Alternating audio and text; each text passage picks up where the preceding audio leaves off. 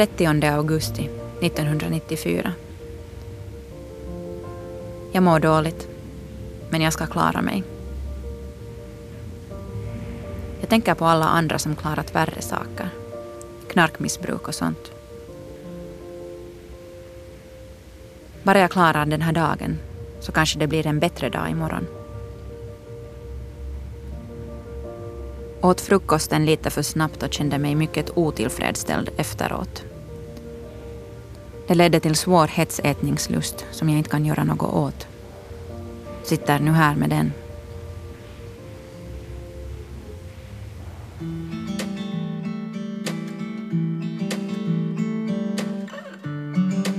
Jag heter Anne Hietanen och det här är en svenska yle-dokumentär om hetsätning. År 1994 tillbringade jag två månader på ett behandlingshem i Sverige för att bli fri från min hetsätning. Innan det här hade jag haft anorexi och anorexifasen har alltid varit lite lättare att prata om. Men hetsätningen har känts extra skamlig. Hetsätning är den absolut vanligaste ätstörningen men det är den ätstörning man minst talar om. Det blir det ändring på nu. Hetsätning blir nämligen en officiell sjukdomsdiagnos i Finland som det nu ser ut redan i juni 2018. Det är dags att sluta hemlighålla och skämmas över den här sjukdomen. Jag kan börja. Jag börjar med att berätta hur det gick för mig. Jag har kvar min gamla dagbok från tiden jag bodde på behandlingshemmet och jag låter Sara Solier läsa ur den. Jag har själv nu för tiden lite svårt att känna igen mig i den kvinna jag var då. Jag kommer också nu att 24 år senare resa tillbaka till behandlingshemmet Mösseberg för att kunna uppleva platsen på nytt och komma närmare sjukdomen.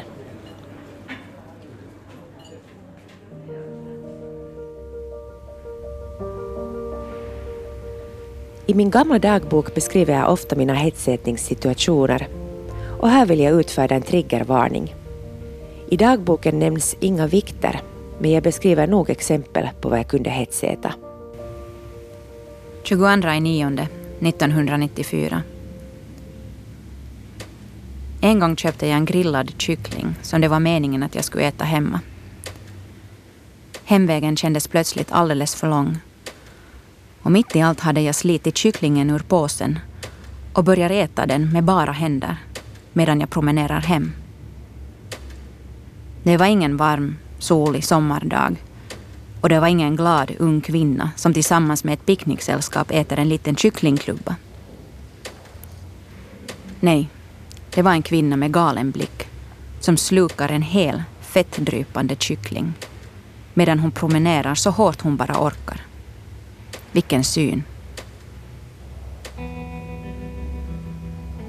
Medan jag åt såg jag också utifrån hur detta måste ha sett ut. Jag kände mig jagad. Så känns skammen. Och efter att ha upplevt en dylik kycklingpromenad skäms jag kanske inte så lätt över småsaker mera.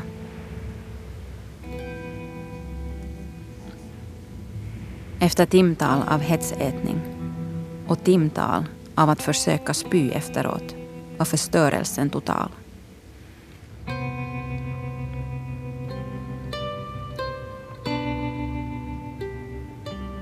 Ansiktet var svullet. Ögonen var blodsprängda på ett sätt som skulle synas ännu en dag efteråt. Alla krafter var slut och förnedringen enorm. I magen låg tiotusentals av kalorier som min mage inte visste vad den skulle göra med. Jag skulle ha magsmärtor i åtminstone ett dygn. Maten skulle bli fett i min kropp som skulle svälla så snabbt att det blev sprickor i huden. Det krävdes nästan omänskliga krafter att komma tillbaka efter en dylik session. Ändå gjorde jag det. Gång efter gång. Ifall jag hade någon uppgift samma kväll som måste skötas, så gjorde jag det. Ifall det var något annat följande dag, så gjorde jag det. Förstås. Jag grät aldrig. Jag bara bet ihop och plågade min stackars kropp och min stackars själ vidare. Jag duschade. Jag tvättade håret. Jag tvättade tänderna. Munnen länge. Jag försökte klä mig så bra som möjligt. Jag kände mig hela tiden hotad och rädd. Jag var rädd för att bli förnedrad av andra. Jag var rädd för att mötas av oförstående. Men mest var jag rädd för mig själv. Fienden bodde inom mig. Jag visste aldrig när jag nästa gång skulle tvingas till hetsätning. Det kom över mig som ett oväder. Jag kanske just hade kommit över den förra sessionen och lagt upp en strategi för hur jag skulle ta mig vidare till nästa dag. Hur jag skulle klara av att leva en dag i taget och så vältes allt omkull igen. Jag såg mig inte som ett offer men jag var maktlös inför den kraft som tvingade mig att stoppa mat in i munnen.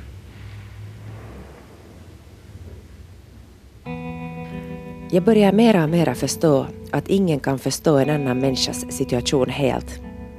En frisk människa kan inte helt och fullt föreställa sig hur det är att tänka som en sjuk människa.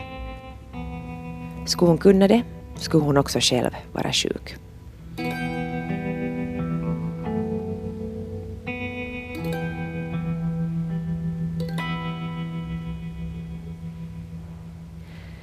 Monika Olgars är klinisk psykolog som har doktorerat i ätstörningar och kroppsbild. Olgars jobbar på HNS ätstörningsenhet som psykolog och jag började med att träffa henne på mottagningen i Helsingfors. Hur vet man att man har en ätstörning? Någonting blir en ätstörning sen när det påverkar ens vardag och påverkar ens liv så att, att det liksom orsakar lidande. Ja, när det påverkar ens, mm. ens dagliga liv. Man har, har stunder, episoder då man äter äter stora mängder, mer än vad man då kanske tänker att, att människor i regel äter i en situation. Och sen att man upplever att man förlorar kontrollen över det här ätandet. Och sen också hör det ofta ihop jättemycket känslor av skam och, och skuld och, och självförakt och ångest och sådana saker gällande det här ätandet och den här upplevelsen av att man inte, inte har kontroll över det. Att jag tänker att i någon mån är det ju normalt att man, att man äter vid vissa tillfällen till exempel mera än vanligt eller att man upplever att man äter så man blir jättemätt eller någonting sånt. Att, att det, jag tänker att det i sig är ingen störning eller, eller sjukdom att man nu har någon, någon godiskväll eller att man nu köper någon chipspåse eller att man på julen äter så mycket att man får det som på finska kallas för ähky. Att det är nu på det sättet helt, helt normalt.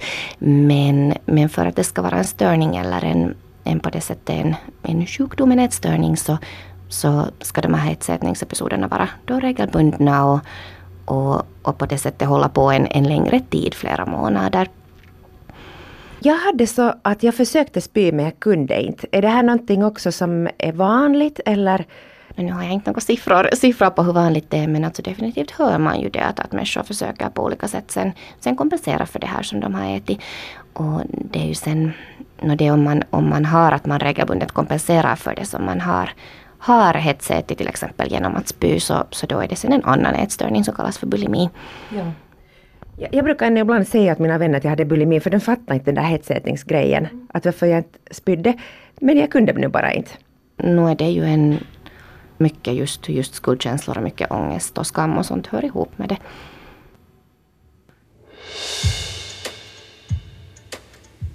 Folk frågar mig hela tiden hur mycket jag åt när jag hetsåt och jag vet inte. Men kanske så här. Frukost? Ingenting. Lunch? Ingenting. Middag?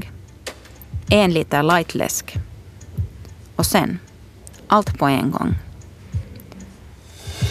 Två paket med kex. En liter glass två stora chokladplattor. En liter mjölk. En påse chips. En bullalängd.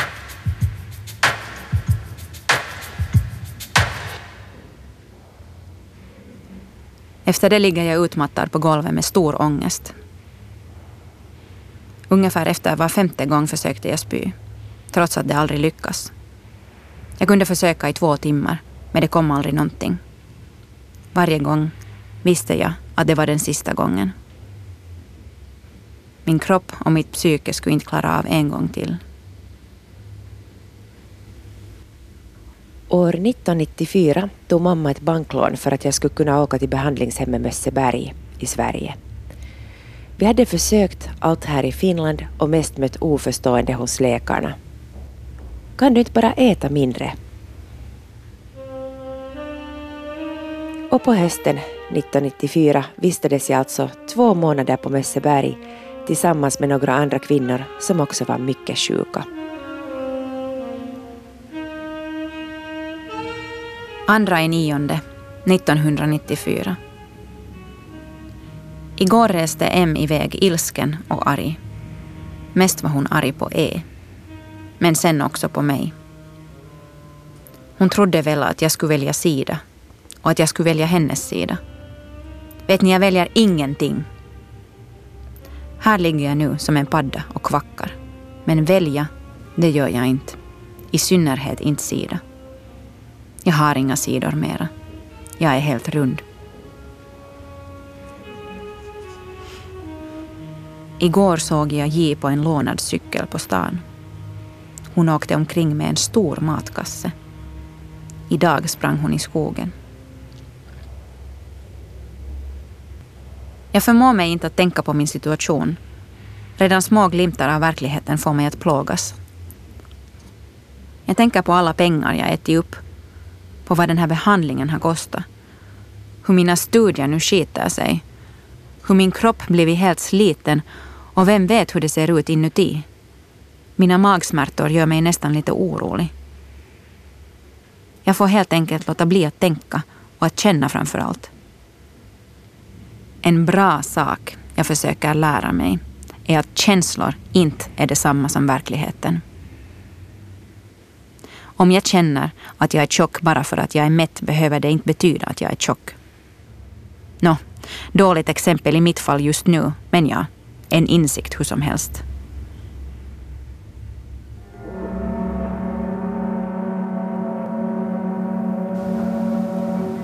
–2017. Jag har bestämt mig för att göra resan till Mösseberg på nytt, till behandlingshemmet. Jag vill se stället med nya ögon och kanske den här gången också få reda på varför jag blev sjuk. Karin Häger var en av de som serverade oss då för 24 år sedan. Det är hon som visar mig runt på Mösseberg nu när jag besöker platsen på nytt. Vi som servitriser, eh, vi fick eh, lägga en tallrik enligt tallriksmodellen och servera er. Jag vet inte om det var så när du var här. Jo, första fyra veckorna så serverade ni åt oss. Ja. Och efter det så fick vi börja ta maten själv. Ja. Och det var jättespännande. Det var, det var jättesvårt att ta maten själv. Folk försökte ju smyga så att de fick mindre mat att äta. Jaha. För man måste äta upp allting Ja. på tallriken. Och jag kommer ihåg också att eh, jag var ganska matfrisk själv. Så att tjejerna tyckte att jag gav för stora portioner.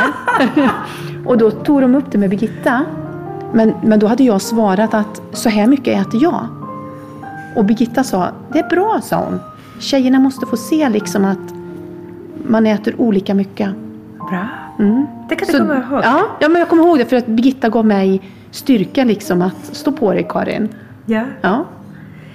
Kommer du ihåg hur det var att ha de här tjejerna här? Överlag? Um, ja. En del var ju väldigt unga. Det var ju några som var unga liksom. Det var mest tjejer. Någon enda kille kommer jag ihåg. Um, för mig, jag tror det var ganska nytt för mig också. Um, de, det var mycket känslor. Eh, framförallt vid maten som var främmande för mig. Eh, Det är ju det man är frisk. Då Ja. fattar man ju inte. Man förstår inte vad det är frågan om. Nej, Kan precis. Så jag nästan ryser nu när jag tänker på det. Eh, Jag vet ju någon gång kunde ju någon eh, tallrik åka iväg och de kunde... Ja, det var mycket känslor. Kunde sitta och gråta vid matbordet. Och sen var det vila efter maten. Fick inte gå ut och gå, kommer jag ihåg. Ja. Äh, då, då skulle man vila, jag minns det, det var kanske 45 minuter, en timme och då var vi övervakade. För att det var antingen anorektiker eller bulimiker. Ja. Men jag var hetsätare så jag, jag spydde inte ens, jag kunde inte spy. Jag var bara väldigt stor. Okej. Och jag minns att jag hatade promenaderna för det var tungt för mig. Ja. Nu när jag gick upp här för parken så tänkte Men du fick inte gå efter maten då? Nej. nej. nej. Jag måste också vila, precis mm. som alla andra. Och du skulle äta rätt mängd? Ja, samma som alla andra. Ja, samma som ja precis. Och, och, jag ville ju banta, jag ville ju inte äta någonting jag förstås. Nej. Och jag minns nu när jag gick upp för parken så är det så här liten, jag gick den på en sekund, jag minns att det tog så lång tid för mig att gå då. Ah. Nu idag liksom, när du är här idag? Ja. ja. ja.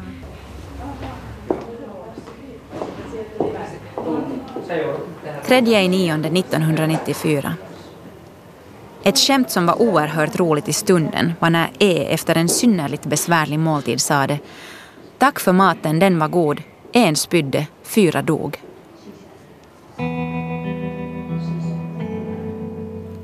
Regnet håller i sig. Nu är det fjärde dagen det håller på. Om två dagar fyller jag 20 år.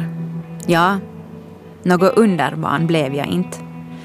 Men jag är vid liv och det bör nog ses som en fördel.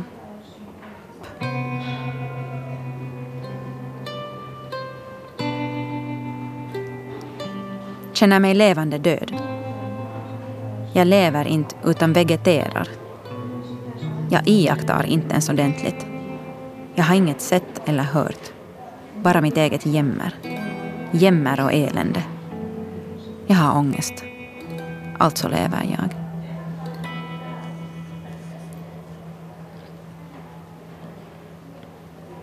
När behandlingen är färdig är det meningen att man ska gå i psykoterapi åtminstone två år efteråt. Jag kommer att göra det eftersom jag gör allt de säger att jag ska göra. Men en sak som intresserar mig väldigt lite, men som ofta verkar vara av intresse, är varför jag blev sjuk. För mig är det ganska ointressant. Hellre skulle jag utreda varför det finns unga flickor som inte får ätstörningar. Det är nog en större fråga.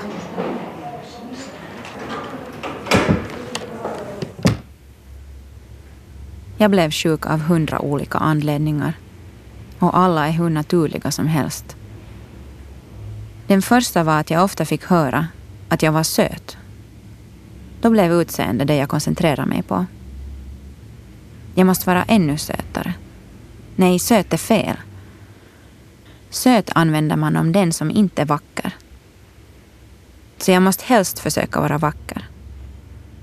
Jag måste också annars vara bra eftersom det i samhället poängteras att man bör vara bäst, vinna medaljer och så vidare. Jag förstår inte hur man kan undgå att snappa upp de här signalerna. Och sen tycker jag att det är oerhört intressant att det finns människor som inte vill vara bäst, som inte strävar efter att göra ett avtryck. Alla vi ätstörda har samma fel. Vi har för hårda krav på oss själva. Jag har också svårt att handskas med så kallade negativa känslor. Har svårt att acceptera svaghet helt enkelt. Och när alla dessa känslor trycks undan utan att namnges så bubblar de upp i någon annan form.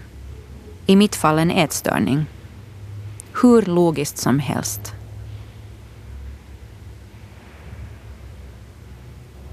Finns det någonting som de som har ätstörningar har gemensamt? Då kanske jag tänker så här.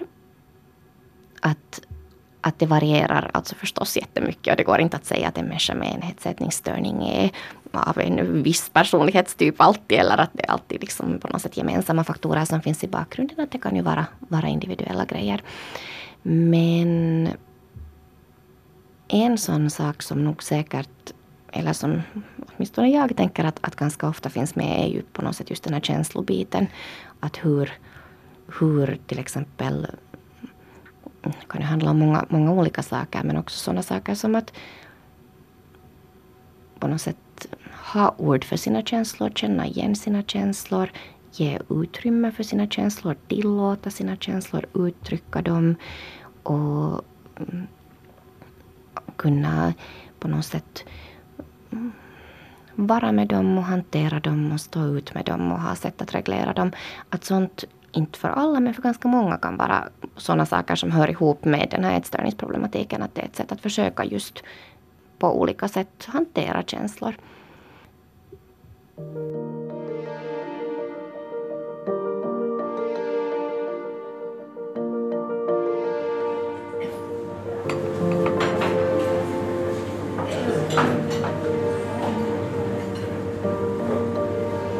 Femte i nionde 1994. Grattis! Idag fyller jag 20. Har blivit väckt med sång på balkongen av B, L, J, S, B och U. Skämdes oerhört över mitt fula nattlinde och mosiga morgonhuvud. Fick en silvermedaljong och en jättefin penna.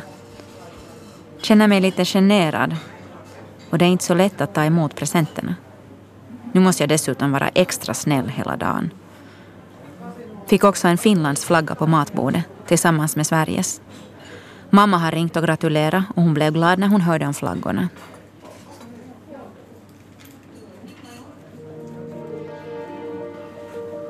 Sjätte i nionde 1994. Har det gått ned lite. Känner mig lättare och lättad. Men jag känner mig proppmätt efter frukosten och tänker att jag åt så mycket att min lilla viktnedgång blev förstörd. Så lätt att ta till sig anorexitankar. Nu har jag inte hetsätit på fyra veckor. Det är då det brukar gå åt helvete senast.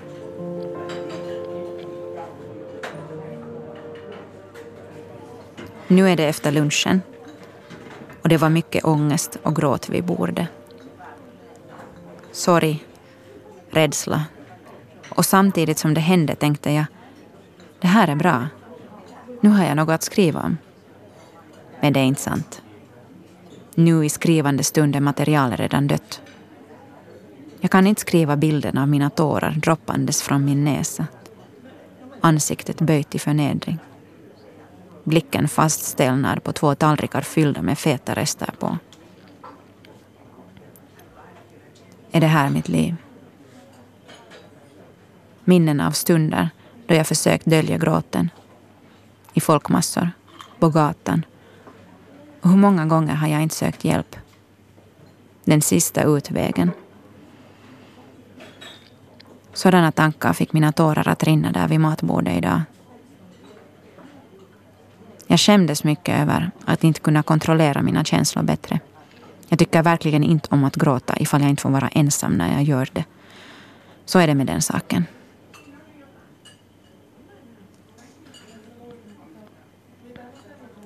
Har ett enormt behov av att hetsäta. Funderar också på att skaffa reservmat för kvällarna. Så att jag vet att det finns mat ifall jag blir vansinnigt hungrig. Jag ogillar skarpt att vara hungrig eftersom det osökt för tankarna till alla gånger jag inte fått sömn på grund av hunger och hur jag gnidit fötterna mot varandra för att få upp värmen. Hunger känns frätande och kallt på något sätt. Jag vill känna mig varm och trygg.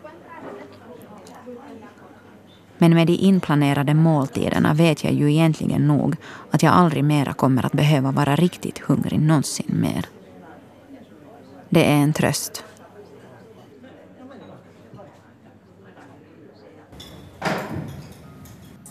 Nu undrar jag om du vill visa källaren för mig, för där tillbringar vi störst tid. Ja, det var ju provkök då också, Jo, kommer jag ihåg. jo. Så jag tror ni fick laga lite mat också, eller? Vi vi testar någon gång bara att göra mat, jag har kvar recepten ännu. Ja, Och sen äh, kvällsmålet Ja. så fick vi plocka fram själv. Ja, just det. Och, och på, det var så underligt, jag är fortfarande likadan, att på kvällen vill jag äta massor. Och jag minns att jag alltid hade såna enormt sug på kvällarna. Ja, vi, men det var ju noga det vad man skulle ta fram, men ibland tog jag lite mera yoghurt och så fick jag ju ångest av det då. ja.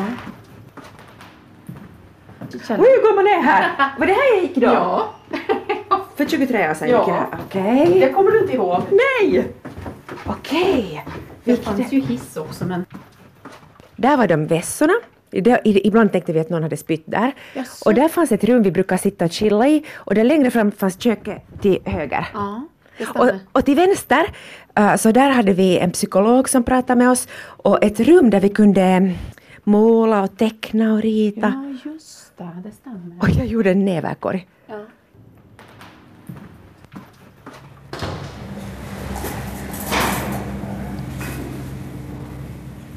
Sjunde i nionde 1994. Idag ska vi ha veckospegling. Jag kan ju ändå inte säga att jag avskyr alla här, så jag får hitta på något annat istället.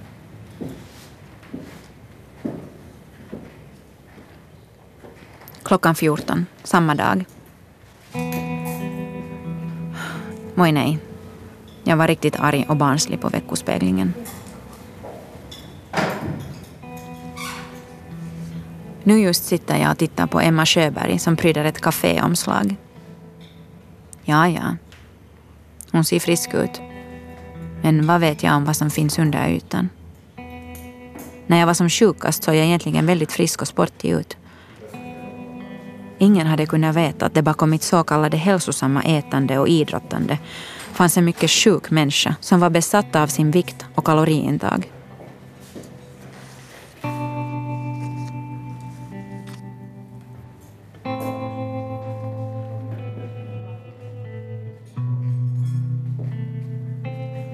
Vi fick en liten mandelmuffins till kaffe idag.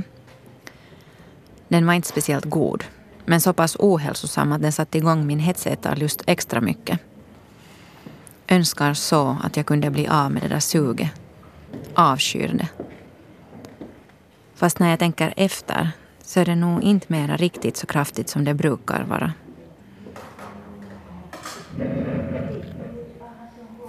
Imorgon en ny dag. Kanske färre hetsätningsattacksimpulser då. Var just nära att gå ner till källaren och ta en liten yoghurt. Men gjorde det förstås inte. Nu har alla andra här hetsätit utom jag. Förstå mig inte på folk som säger att de inte ångrar någonting. Jag ångrar hur mycket som helst. Jag ångrar de senaste åren och skulle göra vad som helst för att göra om dem. Jag ångrar att jag blev sjuk det var ungefär det värsta som kunde hända. Men det var någon som sa att man inte ska vara arg på sin sjukdom. Att man haft den av en orsak och som ett skydd mot sånt man inte skulle ha klarat av att behandla på annat sätt. Istället för att ta itu med riktiga rädslor och allt vad det innebär att vara människa har jag på något sätt dragit mig tillbaka i en sjukdom som ändå känts trygg.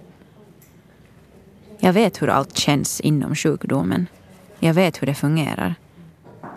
Men hur livet fungerar, det vet jag inte. Det vet ingen.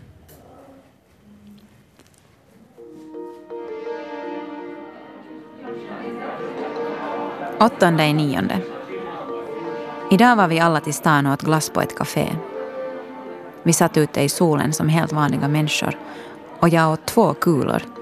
En dimeball och konfetti. Det var gott. Och jag var helt nöjd efteråt. Det kändes märkligt. Är det så det känns för vanliga människor? Man bara njuter av lite glass och sen är man glad efteråt. Mäktigt. Glassen blev på sätt och vis en vändpunkt för mig. Efter den samlade jag på mig flera lyckade erfarenheter då jag utan ångest kunde äta någonting jag tidigare sett som dåligt och förbjudet. Och ju flera gånger jag lät hetsätningsimpulserna passera, desto svagare blev de efterhand. hand.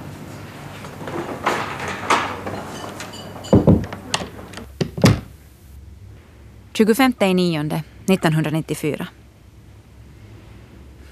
Hetsåt inte igår blev bara att sitta med känslan. Tänker att ju oftare jag upplever hetsätningslusten utan att agera efter den, desto svagare kraft kommer den att ha. Det blir som nya spår i mig och vid något skede kommer de att vara så starka att jag snabbt kan åka på spåren förbi hetsätningslusten. Jag måste komma ihåg att lusten inte är farlig i sig, bara obehaglig. Känns idag ganska bra med hetsätningen. Som att den börjar vara under kontroll. Nu är det bara vikten det är fel på. Tidigare var det tvärtom. Vikten var bra, men hetsätningslusten okontrollerbar. En miljard gånger bättre så som det är nu.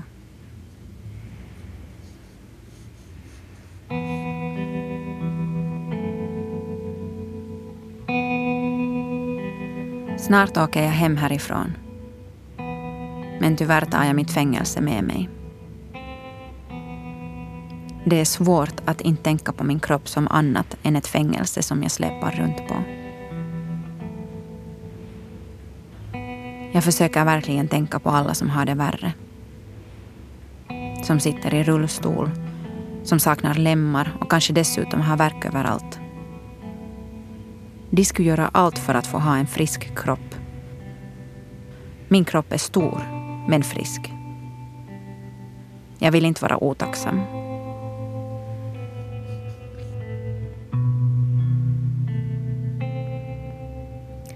Det är förstås olustigt att så här efteråt läsa om hur negativt jag kände inför min stora kropp.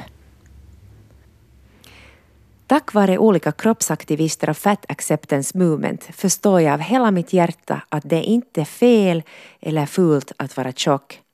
Men det gjorde jag inte då. Jag hade inga förebilder. Eller det kanske fanns en fotomodell som var lite större än alla andra, men det var faktiskt ungefär bara en och då var det enda som kommenterades just att hon var av storlek XL. Jag är så tacksam över att flera olika sorters kroppar representeras i media och social media nu för tiden. Vi är alla lika mycket värda.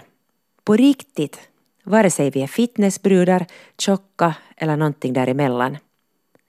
Och fast vi också bombarderas av andra signaler kan vi försöka strunta i dem och stå upp för mångfald. Predikan slut.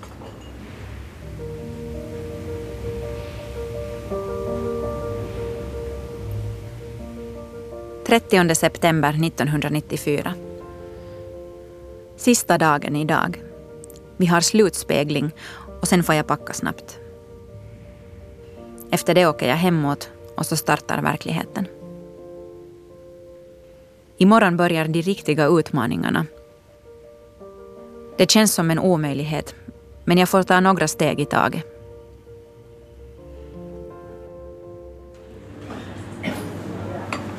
Jag kommer aldrig mera att banta och jag måste äta regelbundet fem gånger varje dag.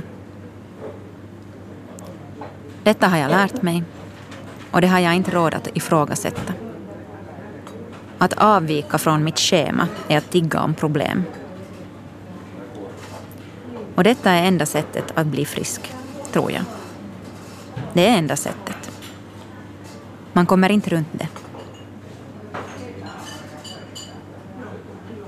Det kanske låter som att det är för banalt och för enkelt för att kunna vara en riktig lösning. Men det är lösningen. Man måste börja där. Jag måste börja här. Annars blir allt annat jobb meningslöst. Och bantning kommer att vara förbjudet under resten av livet. Ja, jag upprepar mig. Jag hjärntvättar mig frisk. Ja, jag hjärntvättar mig frisk. Och efter snart 25 år vågar jag säga att jag åtminstone fått vara frisk så här länge. Jag vill förhålla mig ödmjukt till framtiden och tar ingenting för givet. Men jag oroar mig åtminstone inte över maten och vikten mera. På hemresan från Mösseberg tänker jag att jag inte mera riktigt klarar av att förstå sjukdomen helt och hållet. Men att jag nu kan gå vidare och att jag blivit väldigt nyfiken på att arbeta mera med känslohantering. Att en av nycklarna låg i att jag alltid haft svårt att acceptera de så kallade negativa känslorna. Det vill jag börja göra nu. Det är kanske inte roligt men det är helt okej okay att känna sig sorgsen, rädd, skamsen och otillräcklig. Det är detsamma som att vara människa. Det vet jag nu. Till dig som är sjuk just nu. Du kan bli frisk. Du kan till och med bli så frisk att du efteråt inte ens minns hur det var att tänka och känna så som du gör just nu. Det du ska göra är att be om hjälp och lita på att det finns hjälp någonstans där ute. det finns det. Ifall du vill veta mer om hetsätning så hittar du podcasten Behandlingshemmet på arenan. Där berättar jag lite mer utförligt om de olika faserna jag gick igenom.